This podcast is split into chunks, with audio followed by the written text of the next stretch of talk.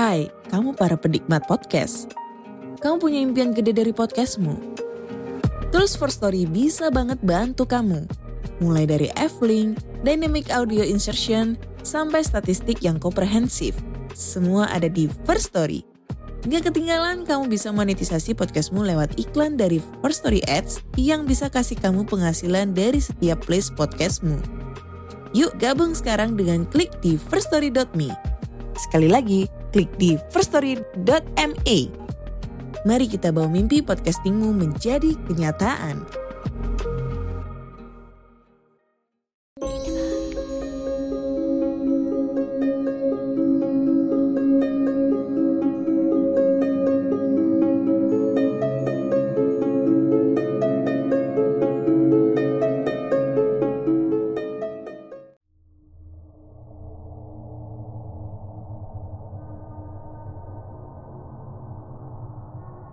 Selamat datang dan selamat malam. Kembali lagi di ini narator dari Rumah Horor Indonesia. Semoga kalian semua ada dalam keadaan yang sehat dan berbahagia. Pada malam hari ini saya akan membawakan sebuah cerita mengenai hantu cantik lagi. Kali ini dari Madiun. Inilah dia Hantu Sadika Sudah tidak asing lagi jika Anda pernah melewati jalur Jalan Raya Magetan, Madiun. Di Jembatan Jiwan Jembatan yang terletak di perbatasan Madiun Magetan ini juga terkenal karena kisah si cantik Sadikem dari jembatan Jiwan. Dikabarkan Sadikem mati penasaran sehingga arwahnya gentayangan.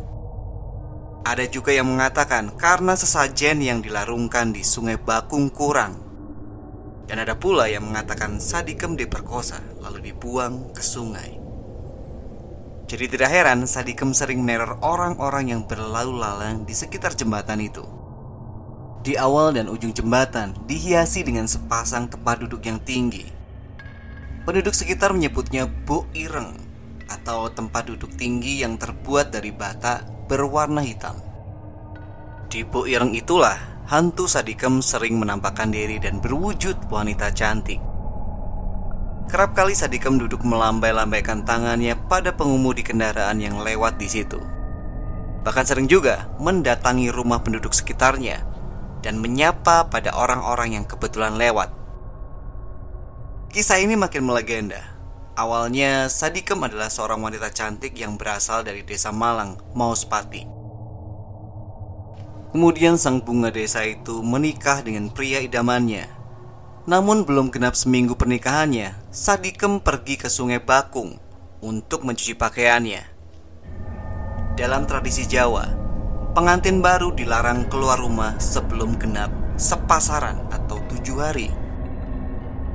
Karena Sadikem melanggar tradisi sepasaran, akhirnya sang pengantin hilang di telan sungai Bakung. Masyarakat sekitar menyebut Sadikem kena sawan kemanten anyar Sawan itu seperti naas atau celaka. Setelah peristiwa itulah arwah Sadikem sering gentayangan. Ia kerap kali menghadang para lelaki yang lewat di tempat itu karena dikira suaminya.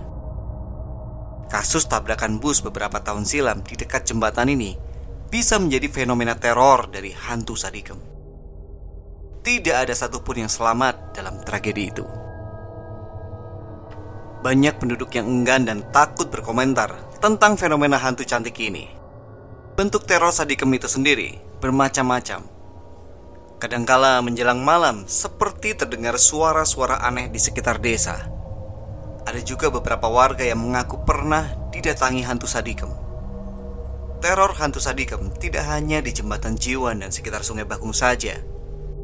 Hantu cantik Sadikem sering muncul juga di tempat lain dan berpindah-pindah kadang di bok pintu masuk desa Belancang, Kincang, dan Surat Majan. Pada tahun 2012 yang lalu terjadi insiden kecelakaan berturut-turut di jalur PG, Purwodadi Simo. Hal ini juga disambut pautkan oleh masyarakat sekitar dengan hantu Sadikem. Begitulah sekelumit cerita tentang hantu Sadikem yang cukup melegenda di kota Magetan. Oke, segitu aja cerita kita mengenai Sadikem. Berhubung cerita hari ini pendek banget, kita langsung lanjut ke episode berikutnya di hari ini juga. Terima kasih sudah mendengarkan dan selamat malam.